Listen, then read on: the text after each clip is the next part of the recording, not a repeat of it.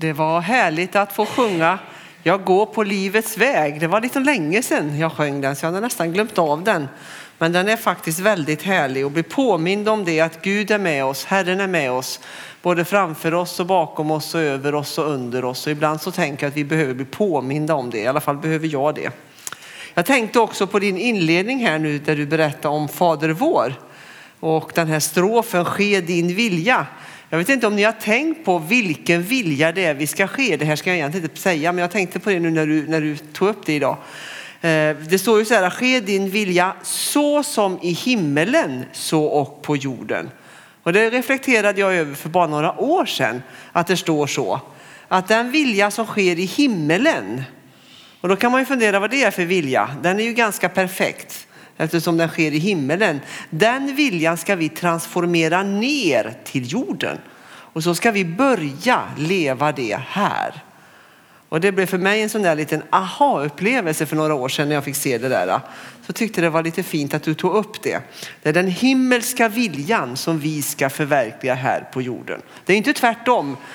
Alltså sker din vilja så som på jorden så åker himmelen. Utan det börjar med himmelen och sen jorden. Ja, en liten parentes bara, men kanske en liten intressant parentes. Hörrni, idag så, jag vet inte hur mycket ni är medvetna om vad det är för söndag idag. Det är ju söndagen före domsöndagen idag. Och nästa vecka har vi alltså domsöndagen och veckan därpå, då vet ni vad vi har. Då har vi advent. Härligt, det gillar vi. Ja, det ser vi fram emot, i alla fall gör jag det. Men den här söndagen då har som tema vaksamhet och väntan. Eh, och det är ju ett tema som jag tänker innehåller två saker.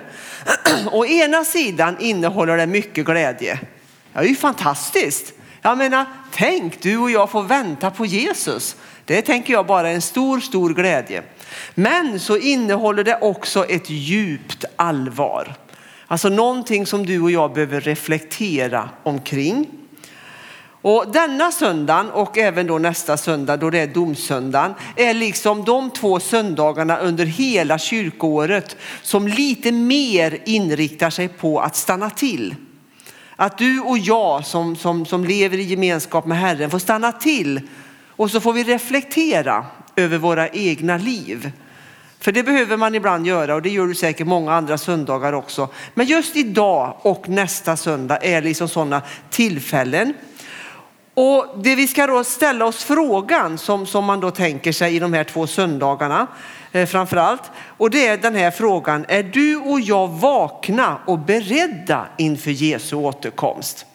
Det är liksom den frågan som är lite bärande idag men också nästa vecka.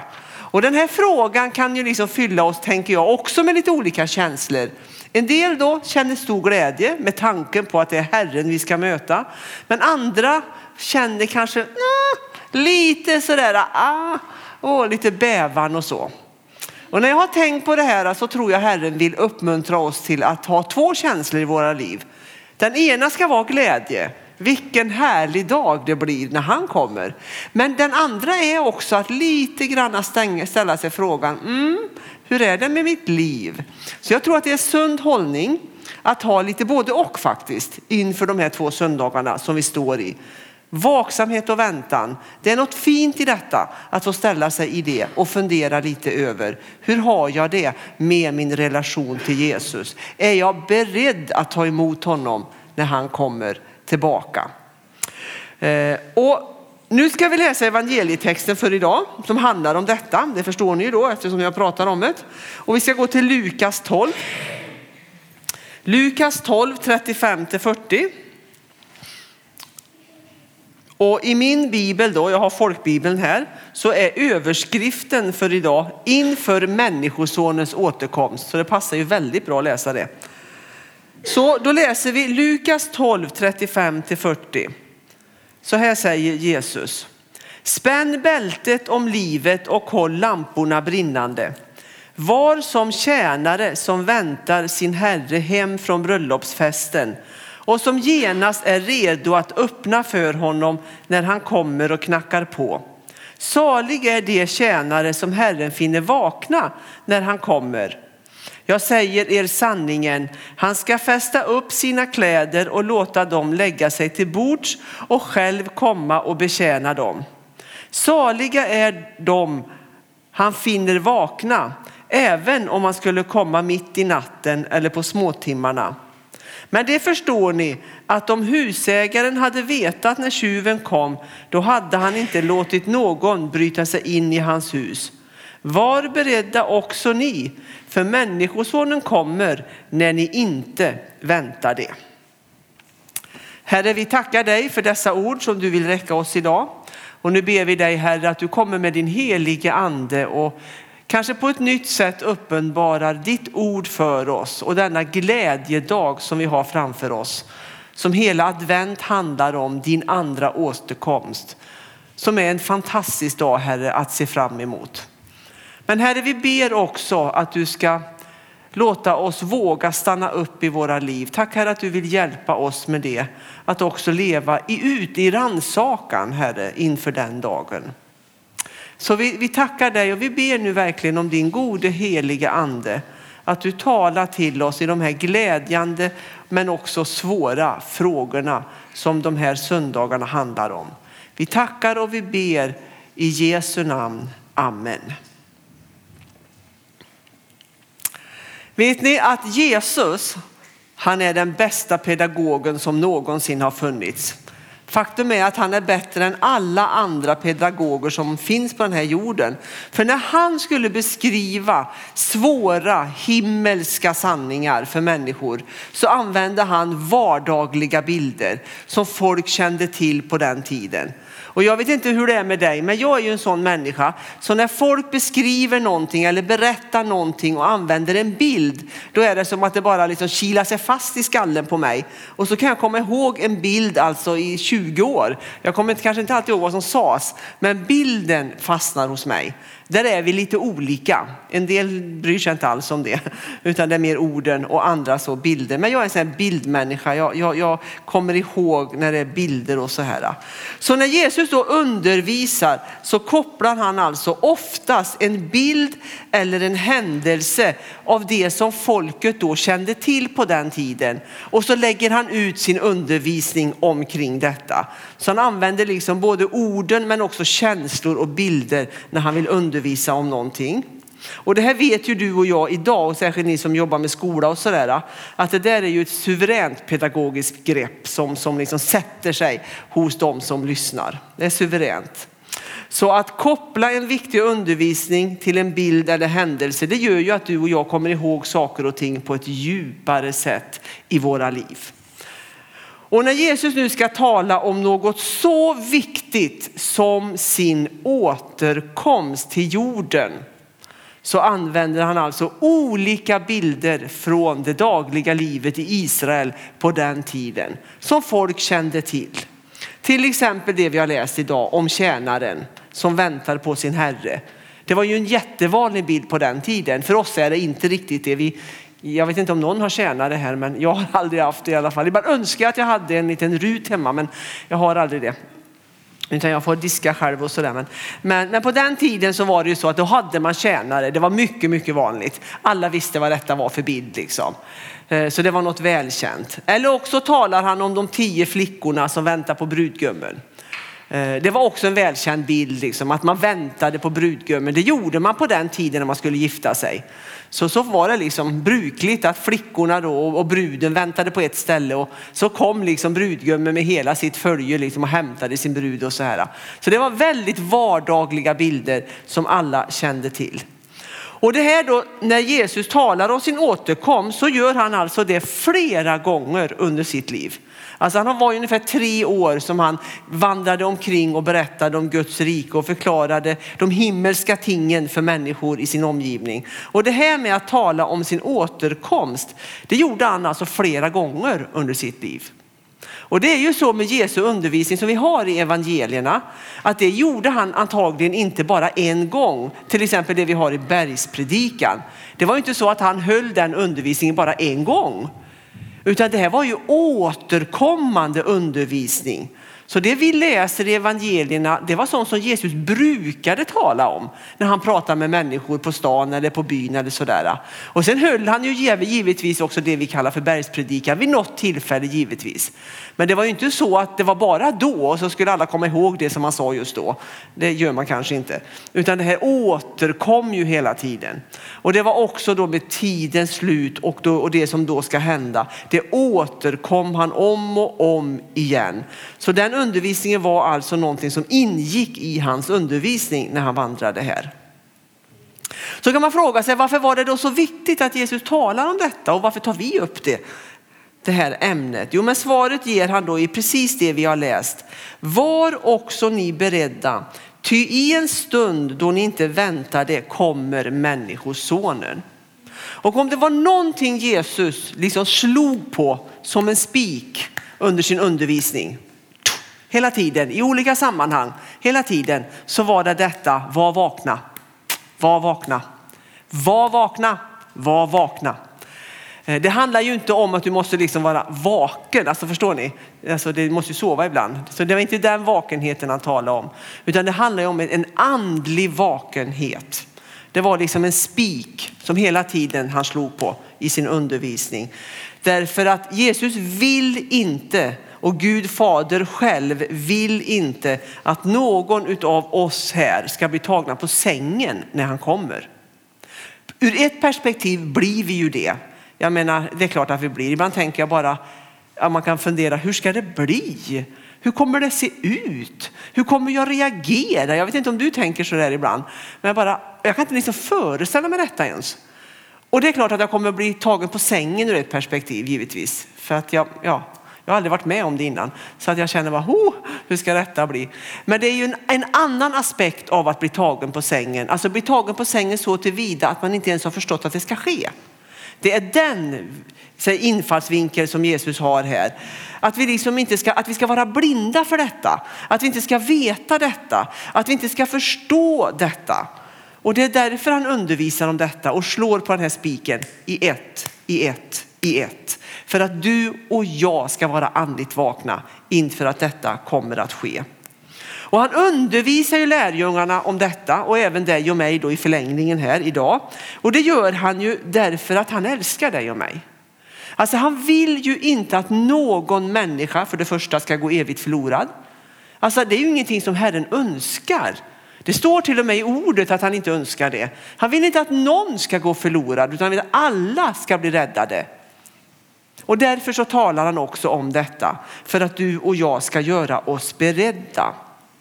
Och han säger ju inte detta för att skrämma oss till vettet. Nu behöver jag ha lite vatten känner jag. Någon som vill hämta det?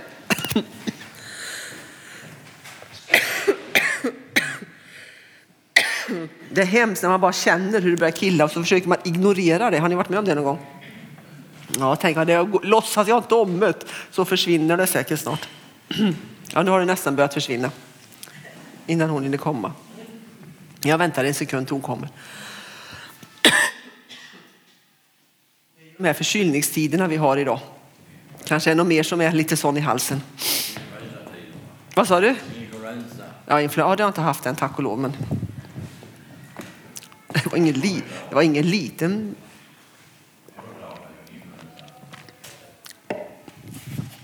Tack så mycket. Vet ni, det här kan jag gilla med EFS. Då kan man bara bryta rätt som det och bara säga jag behöver ett vatten och så går man ner och hämtar det. Jag gillar det. det är liksom, så det kan man också få göra.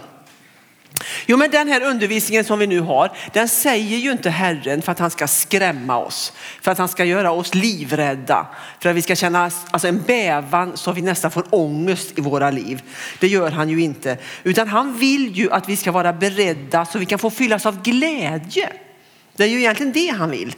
Att du och jag ska få glädje i våra liv över att han ska komma tillbaka och ställa allt till rätta. Så det är liksom inte syftet att vi ska bli jätte, jätterädda utan att vi snarare ska känna en förvant, för förväntan inför hans återkomst. Och titta nu på den här bilden då som vi har fått från Jesus idag i Lukas evangeliet. Och då tänkte jag vi ska börja med det som fyller våra hjärtan med glädje. Och så ska vi ta det allvarliga också. Men först ska vi börja med glädjen i våra hjärtan. Och jag vet inte om du har lagt märke till vad, vad Jesus säger i vers, 20, vers 37. För jag hade inte gjort det innan den här, eh, alltså jag förberedde mig nu. Vad säger han där? Saliga är de tjänare som Herren finner vakna när han kommer. Amen säger jag er. Han ska fästa upp sina kläder och låta dem lägga sig till bords och själv komma och betjäna dem. What? Vilken underbar framtid som du och jag har. Alltså vilken bild han målar upp för oss. Så när han kommer tillbaka Herren så ska han själv alltså fästa upp sina kläder, det är ju en bild på att han ska tjäna och så ska han betjäna sitt folk, dig och mig. Det är som att Herren när han kommer tillbaka på något vis ska lägga liksom handduken över, över armen så här. Sen ska han gå ut och liksom betjäna dig och mig. Ja, vilken bild!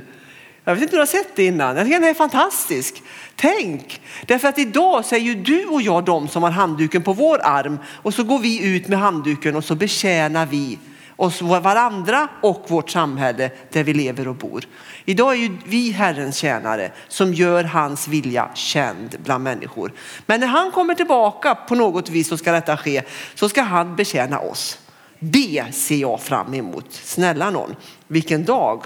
Ja, när ska detta äga rum då? Ja, då får vi ta en annan bild som Jesus använder och det är bröllopsmåltiden i himmelriket.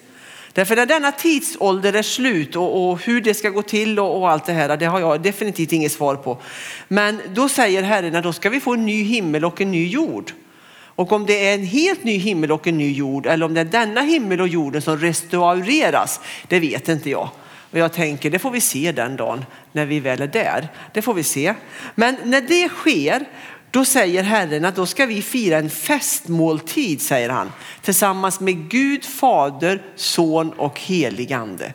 Då ska vi gå på bankett, du och jag. Och så ska vi liksom få sitta vid denna banketten och så ska Herren själv liksom komma med, om ni förstår bilden så, och så ska han liksom servera sina kungabarn och sina Liksom, varsågod. Och så ska vi få sitta där och glädja oss inför Guds ansikte. Så då kommer det alltså ske ett byte av tjänster. Idag är vi tjänarna, men då kommer vi vara gästerna och Jesus är tjänaren. Hur detta ska gå till praktiskt, jag har ingen aning hur det kommer se ut eller hur det kommer vara. Men jag tänker att det där får vara liksom en liten uppmuntran som vi får bära med oss från Guds ord. Att Herren faktiskt säger det, att han ska tjäna dig och mig. Och det kan vi få bära med oss när vi själva då är tjänaren med handduken på armen och när vi går ut och möter människor i vår omgivning, för det är inte alltid lätt. Det är rätt svårt faktiskt många gånger. Det är tufft att leva här på jorden. Då kan det vara gott att tänka sig handduken att en dag så ska Herren tjäna mig. Det kan få vara uppmuntran för oss. Och då satt jag och förberedde detta så tänkte jag så här. Ah, att tala om bröllopsmåltid och att Jesus ska betjäna oss. Alltså det kan ju låta lite löjligt. Jag vet inte hur ni tänker men, men det låter ju lite sådär bara sagobetonat nästan. Lite uh, ja, bröllop, bankett, ja ni vet och allt det här. Man kan tycka liksom mm, lite konstigt så.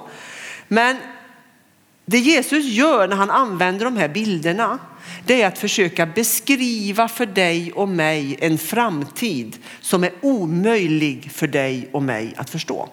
Alltså vi kan ju aldrig förstå det. Så han måste ju på något vis ge oss bilder som vi kan greppa, vi människor.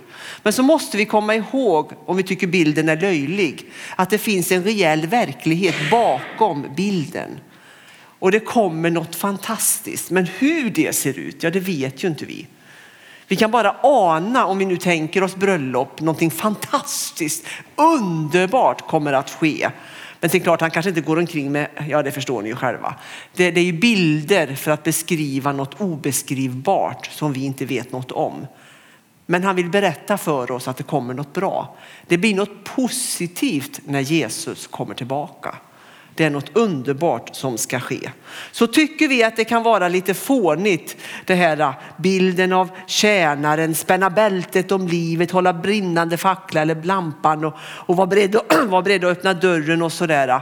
Kom ihåg, det finns en sanning bakom bilden som du och jag får ta emot och leva utav. En dag kommer han, det finns en verklighet. Så det är glädje tycker jag, underbart, det behöver vi påminna oss om.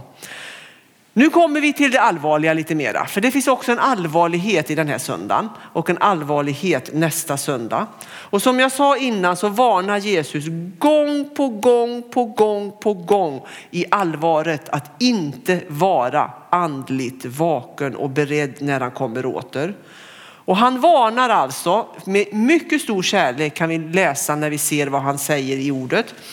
Eh, mycket stor kärlek därför han vill att du och jag ska vara beredda. Och han vet att det kommer vara kaos i världen när han kommer tillbaka.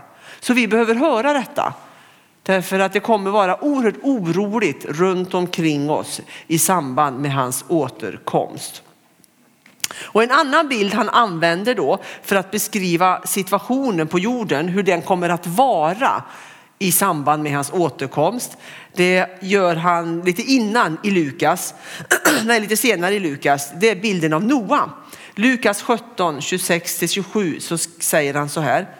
Som det var på Noas tid, så ska det vara under människosonens dagar. Folk åt och drack, gifte sig och blev bortgifta ända till den dagen då Noa gick in i arken och floden kom och gjorde slut på alla.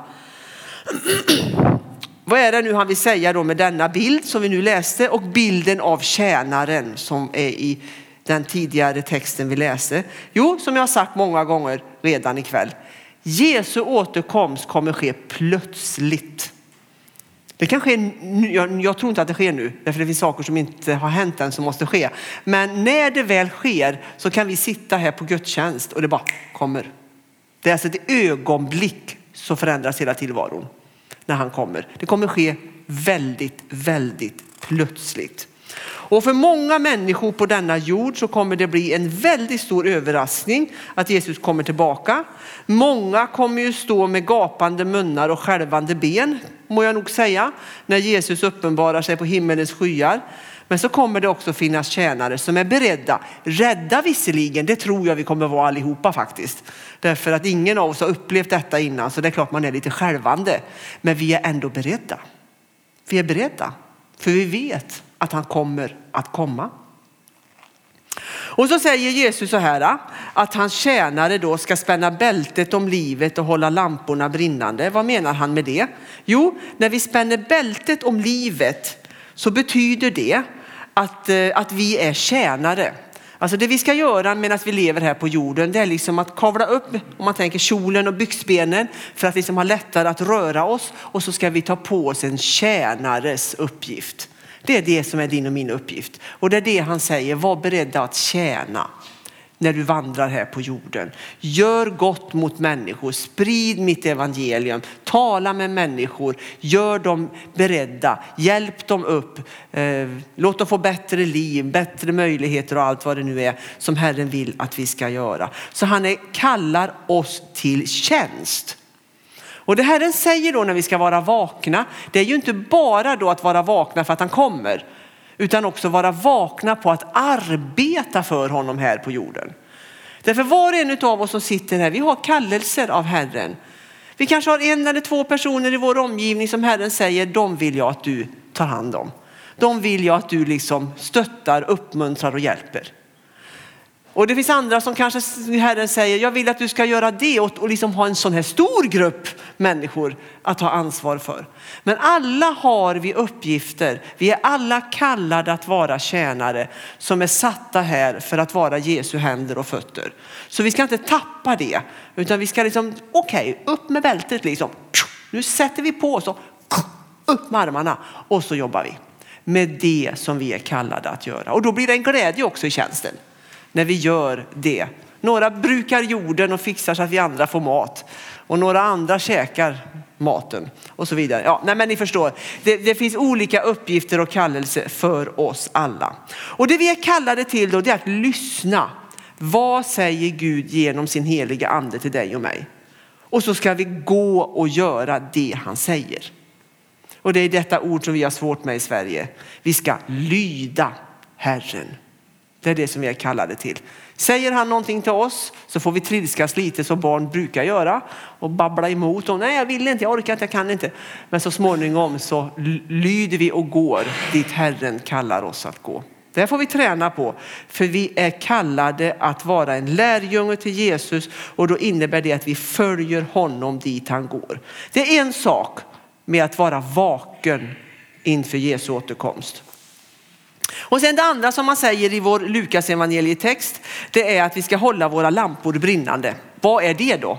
Vad betyder det att vi ska hålla våra lampor brinnande? Ja, på Jesu tid så vet ju ni att då kunde man inte gå till en knapp och eh, trycka och så kom det ljus i rummet. Det fanns inte på Jesu tid, utan då skulle man ha en lampa som man fick fylla på med olja och så har man en veke i den, ja ni vet. Och så liksom tände man på veken och så fick man ljus i huset.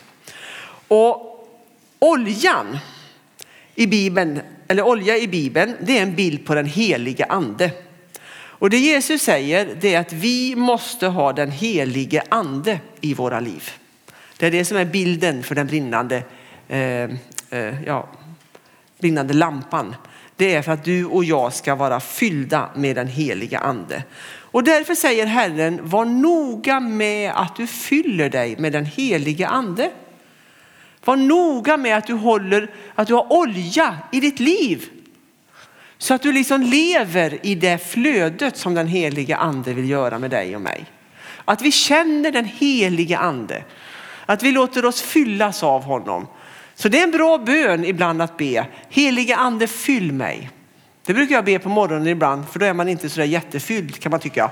När man sitter där och bara ah, är slut alltså. Så kan jag bara säga helige ande idag behöver jag dig verkligen i mitt liv. Jag känner mig törr som en öken. Men tack att du kan fylla på mig. Fyll mig Herre. Och det betyder inte alltid att jag går omkring och känner liksom att det flödar över till höger och vänster. Så det händer ibland när man kan känna det. Men ofta känner jag inte det. Men jag vet, därför ordet ljuger aldrig. Om jag ber Herren om den heliga ande, då kommer han och fyller mitt kärl med den heliga ande. Ibland känner jag det, ibland känner jag det inte. Så det här är någonting som är viktigt för dig och mig, att låta våra lampor vara brinnande inför Jesu återkomst. Finns det mer vi kan göra då? Än att bara tjäna honom som vi är kallade till och att låta oss uppfyllas av den helige ande. Ja, en sak till. Så nu kommer jag säga någonting som ni har hört mig säga många gånger, för det är nästan mitt mantra lite grann i mitt liv. Eh, och det är din och min relation till Bibeln som Guds ord. Jag kan inte nog betona detta faktiskt. Alltså det är så viktigt, jag säger det igen och ni har hört mig säga detta tusen gånger alltså. Det är så viktigt att vi är uppdaterade med vad detta ord säger. Att du och jag är läsare av Guds ord. Och jag blir så ledsen och lite förskräckt när jag märker hur den kristna församlingen och även enskilda kristna har mindre och mindre kunskap om vad Gud säger i hela sitt ord. Då menar jag inte 25 procent, de där 25 procenten vi har i slutet av vår bibel, utan jag menar också de där 75 procenten vi har i början av vår bibel. Hela bibeln. Jag märker så mycket att folk inte längre vet. Jag var på ett ställe här för ett tag sedan, pratade med några ungdomar, eh, 16-18 år. Eh, och de hade så lite kunskap om någon som jag tycker man ska ha kunskap om. Abraham visste nästan ingenting. Och då känner jag bara, vänner, vi måste återta bibelkunskap och bibelläsning i våra liv. Eh, därför att många gånger så är vi mer intresserade av, och jag kan ställa mig direkt i den ledet, för jag känner själv att jag får jobba med detta, det är en kamp alltså. Men många gånger så är vi mer intresserade av att låta oss formas av tidsandan vi lever i, än den heliga ande. Vi lyssnar många gånger mer på vad opinionen och samhället tycker och tänker i frågor än att vi frågar Gud, vad tycker du om saker och ting? Och det är ju för att vi har slutat. Nu vet inte jag, ni kanske alla läser jättemycket Bibeln här. Det vore ju underbart om bara, men det där gäller inte oss. Därför att vi är faktiskt väldigt bibelläsande i den här församlingen. Det hade varit underbart. Eh, men många är inte det, utan man formar sitt tyckande och sitt tänkande om olika saker på vad som sägs där, mer än vad som sägs här. Och det gör ju också då att vi inte är beredda när det närmar sig för tiden för Jesu återkomst. Därför vi vet inte vad det står. Så därför kan jag återigen bara liksom uppmuntra er till att tillsammans med varandra och enskilt verkligen läsa i hela Bibeln. Och eftersom det är så i många av våra sammanhang så betyder det att till och med många kristna kommer stå med gapade munnar när Jesus återkommer. Därför man vet inte vad Gud har sagt i sitt ord. Och det är ju väldigt sant det som många säger. Vi kan aldrig veta när han kommer tillbaka. Ja men så är det.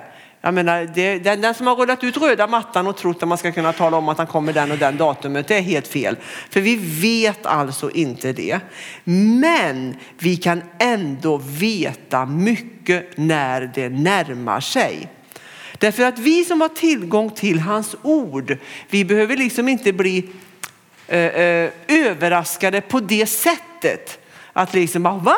Åh, oh, händer detta? Nej, vadå? Utan vi kan faktiskt vara ganska beredda på att tiden närmar sig. Därför att i både gamla och nya testamentet får vi alltså veta tecken och händelser som vi kan liksom läsa oss till som kommer att finnas i närheten av hans återkomst. Som du och jag kan få reflektera över och fundera över. Alltså Gud har ju inte slängt ut sin församling och sina barn bara liksom att ja bara kör på liksom så kommer jag bara en dag. Utan han har ju faktiskt gett oss möjlighet att liksom lite granna sondera terrängen inför hans återkomst. Och med det sagt så säger jag igen, vi kan inte veta och rulla ut röda mattan på det sättet, det kan vi inte. Men det finns faktiskt ganska mycket i den här boken som kan hjälpa dig och mig att ana när vi närmar oss tiden. Utan att för den sakens skull sätta liksom att då sker det, för det kan inte någon göra.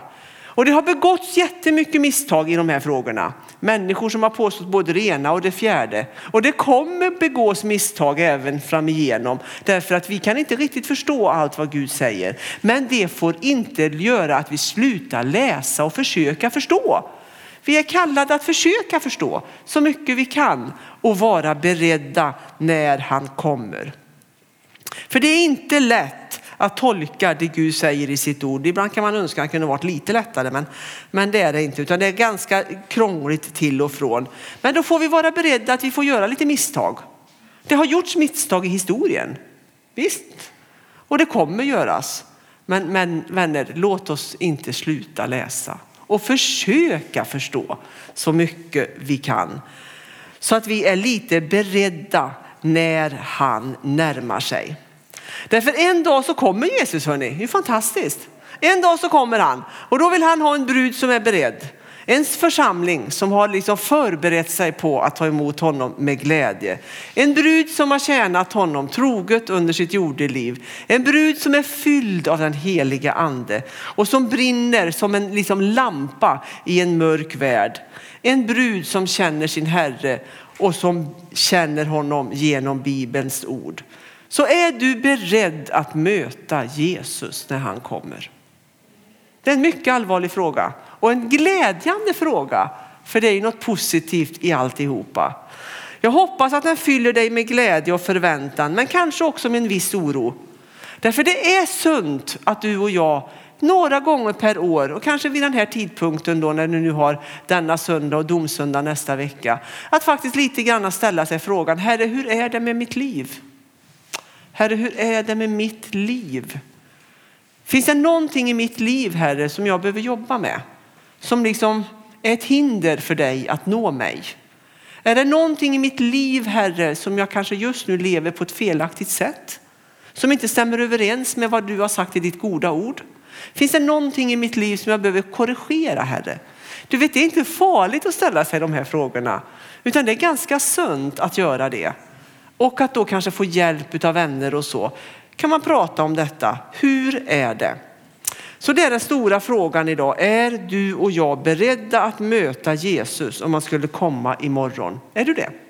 Är du beredd att ta emot honom i ditt liv om han skulle dimpa ner på jorden imorgon? Och så vill jag säga en sak också innan jag säger amen här. Eh, till dig som är här idag. Jag känner ju inte alla här och kanske finns det någon här som inte känner Jesus.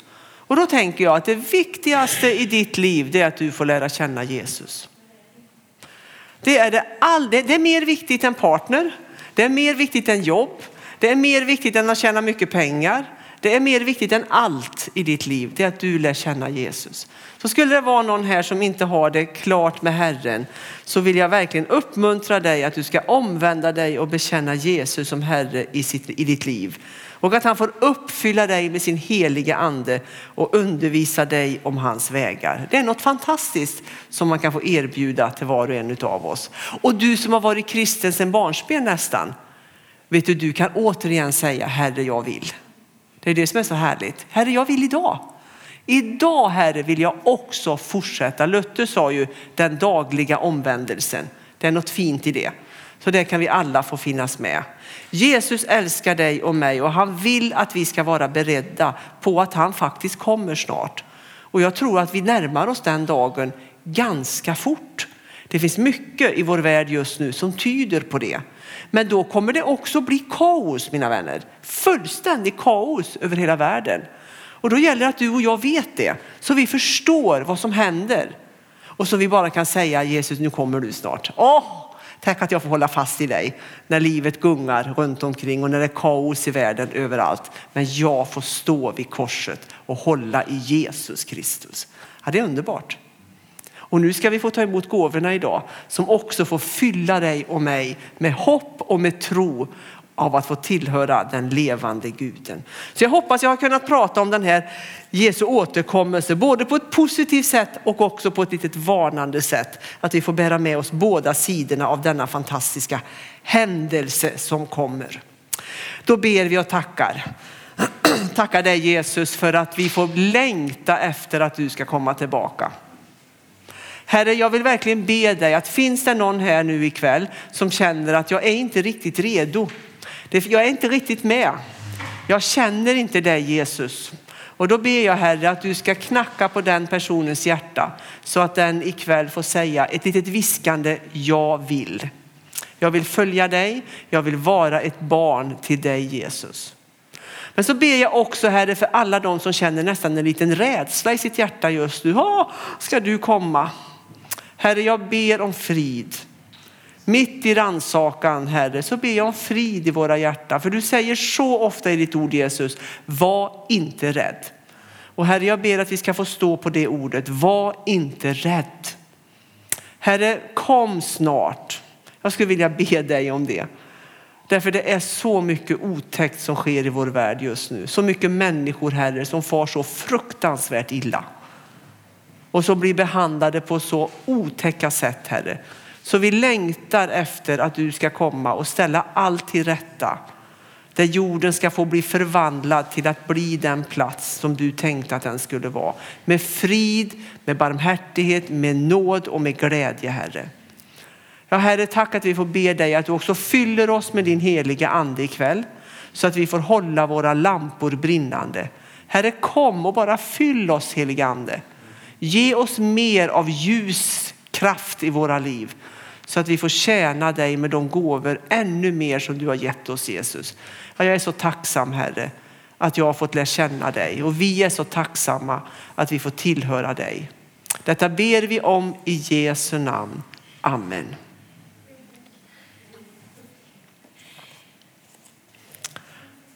Det här kanske kan få vara ett litet ämne för eh, förbönen sen.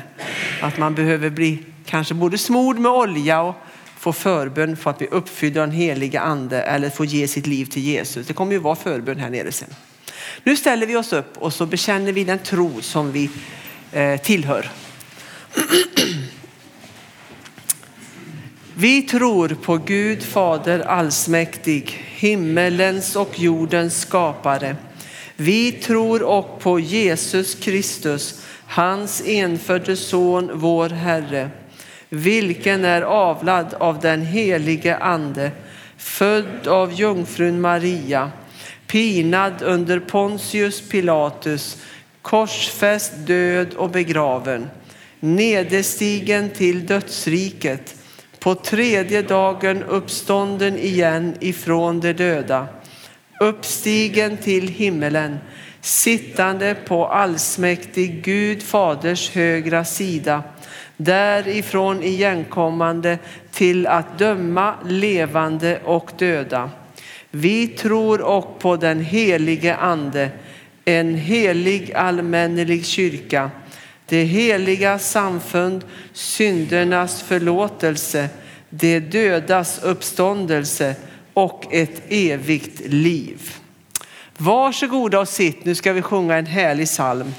Nummer 48, vilken vän vi har i Jesus. Och så ska vi också ta upp dagens kollekt till det viktiga arbetet som görs här i EFS-föreningen eller församlingen här.